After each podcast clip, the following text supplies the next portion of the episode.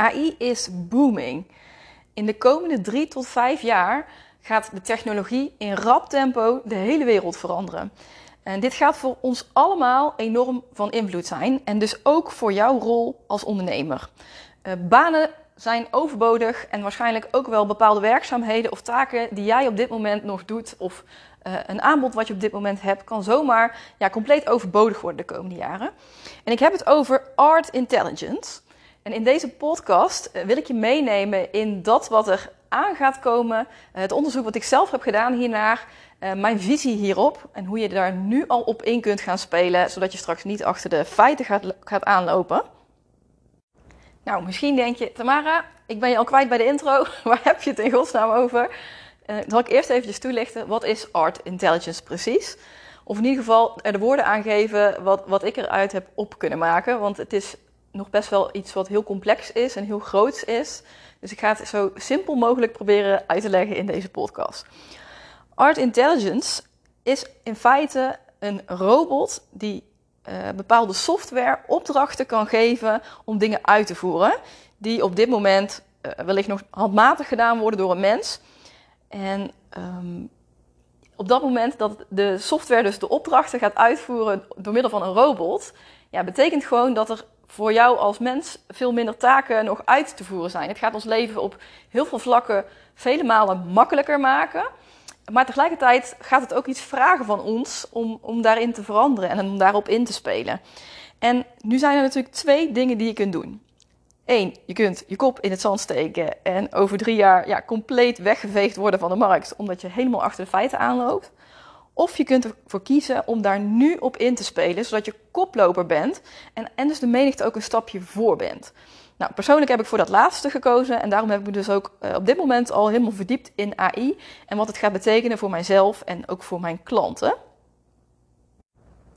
En wat ik dus zie is dat er best veel mensen zijn die denken van oh het is nog ver weg en hè, drie tot vijf jaar dat duurt ook nog wel even. En uh, dat ze zoiets hebben van ja ik, ik kijk nog even de kat uit de boom met wat er daadwerkelijk allemaal gaat gebeuren. En daarbij wil ik je er al even van bewust maken dat AI op dit moment al overal is. Even een paar voorbeelden. Bijvoorbeeld, misschien doe je Zoom calls met jouw klanten. Nou, de scripts van jouw Zoom call kun je volledig automatisch al laten uitschrijven door AI. Maar bijvoorbeeld ook uh, algoritmen van LinkedIn, Instagram. Hè, daar worden bijvoorbeeld contentvoorstellen gedaan van hey, kijk eens naar dit account.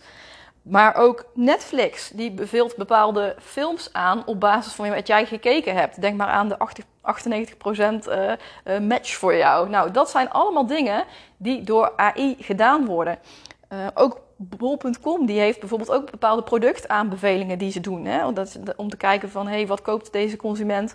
En op, de, basis daarvan doen ze je weer nieuwe aanbevelingen. Ook Gmail bijvoorbeeld, die doet al bepaalde typsuggesties. Als jij begint te typen, dan maakt hij al een soort van af wat jij wil gaan typen. Doet hij voorspelling van wat hij denkt dat jij gaat typen. De, uh, de software is al zo, of de robots, de AI is al zo geavanceerd op dit moment het is overal al. En dat is even wat ik, waar ik je van bewust wil maken. En het is echt in een enorm rap tempo aan het opkomen. En misschien heb je er ook wel wat van meegekregen op het nieuws. Want daar was het ook over het ChatGPT. En dat heeft ook weer invloed op een stukje wat ik persoonlijk doe. Dus vandaar dat ik daar ook nog wat even extra aandacht aan wil uh, besteden. Want ook in mijn branche is AI er dus al. Om even een paar voorbeelden te geven van wat er al mogelijk is. Uh, je kan met AI een opdracht geven om een post helemaal uit te schrijven. Die, je kan bijvoorbeeld zeggen: schrijf drie tips over. En dan gaat uh, AI heel internet door uh, op zoek naar relevante blogs en onderwerpen. En gaat hij bekijken van wat is nou de, meest, de beste tip voor X of Y onderwerp. En die gaat het voor jou al opzoeken. Of je niet eens meer zelf over na te denken. Dat gebeurt al. Zo heb ik bijvoorbeeld ook een collega-ondernemer. En die gebruikt al AI om de ruis weg te halen uit uh, een video. Dus uit de audio halen ze dan de complete ruis eruit. Wat ze nu zeg maar tot op heden altijd handmatig had moeten doen, laat ze nu door AI doen. Ook kun je bijvoorbeeld een, een volledig script voor jouw video laten genereren. Dus dan uh, benoem je gewoon, ik wil een script voor een video. Die moet gaan over X, Y en Z. En AI kan voor jou een compleet script maken. Dus weet dat er op dit moment al heel veel gebeurt.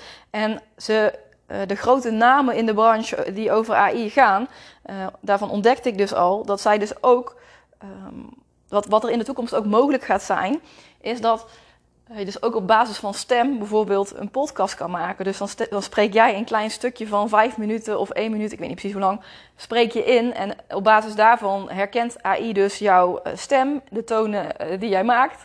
En kan die dus op basis daarvan een heel verhaal op in, in jouw stem, zeg maar, uh, subjectief, fictief maken.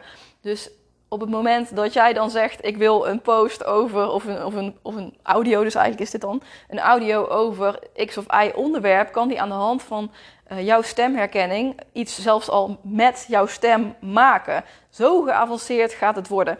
Op dit moment zijn ze er al mee bezig, maar eh, wat ik hoorde is dat het er nog een beetje houterig klinkt allemaal. Dus dat het nog niet heel, ja, het klinkt nog te robotachtig om te gebruiken, zeg maar. Maar in de toekomst hebben ze al gezegd van dit gaat zeker mogelijk zijn. Dus bij deze alvast een flinke wake-up call voor uh, wat eraan gaat komen. En um, wat, als je nou denkt van, oh mijn god, wat gaat er gebeuren en wat betekent dit voor mij? Nou, ik heb me daar dus wat verder al in verdiept. En wat ik dus ontdekte ook tijdens mijn, uh, mijn onderzoek is dat het vooral belangrijk gaat zijn dat je weet welke opdrachten je zo'n AI moet gaan geven. Want straks zijn er twee typen mensen. De mensen die weten van hoe moet ik die AI eh, de, de goede opdrachten geven, zodat de output ook goed is. En de mensen die, ja, die dat eigenlijk niet weten. En dus inderdaad een simpele opdracht als schrijf drie tips over, hè, die kan iedereen wel bedenken. Maar daarmee krijg je dus nog niet de meest effectieve blogs waar je ook klanten mee binnenhaalt. Of, eh, of ook daadwerkelijk um, ja, mensen de goede doelgroep gaat triggeren. Daar blijft toch altijd een stukje psychologie achter de aankoopbeslissing nodig. je moet het onderwerp kunnen bepalen. Al, moet ik erbij zeggen dat ik dus zelfs ook al gezien heb dat AI onderwerpen voor jou kan bedenken. Dus als je een bepaalde doelgroep noemt, dan kun je zelf zeggen: hé, hey, wat zijn interessante onderwerpen voor? Zo geavanceerd is het dus al. Maar daar blijft natuurlijk wel dat op het moment dat jij weet hoe moet ik die psychologie achter de aankoopbeslissing toepassen, kun jij die robot dus veel effectiever opdrachten geven. En ik ben dus zelf in die software gedoken uh, van uh, ChatGPT afgelopen uh, week. En ik heb dus ook bekeken van oké, wat, wat doen al die opdrachten? Hè?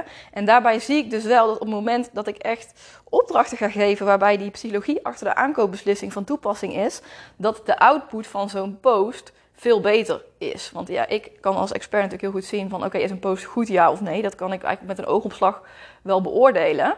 En daarbij zie ik dus dat je dus wel van een bepaalde kennis moet hebben om de goede opdrachten te kunnen geven.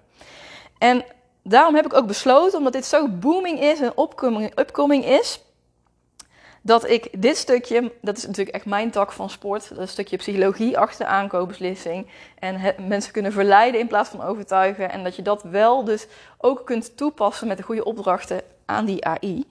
En daarom heb ik ook besloten, omdat dat wat ik nu weet over AI en mijn visie over AI voor de komende jaren, over hoe jij daarop kunt inspelen, dat ik dat ook met jou ga delen tijdens de High Level Copywriting Live Dag die ik op 5 eh, april geef.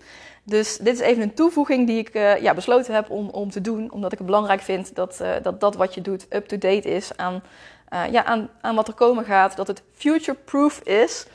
En sowieso is mijn hele high-level communicatiemethode heel erg future-proof, omdat het niet gebonden is aan, aan een bepaald platform. Het is niet dat je het alleen maar op Instagram kan toepassen, of alleen maar op LinkedIn kan toepassen, of alleen maar in je podcast. Nee, het is juist ja, de, de hele positie van jou als ondernemer, hoe jij jezelf als leider positioneert en hoe je dat effectief naar buiten communiceert. En dan maakt het ook niet meer uit via welk kanaal dan ook. Of dat je uiteindelijk een robot moet instrueren voor de uitvoering. Dat maakt ook niet uit.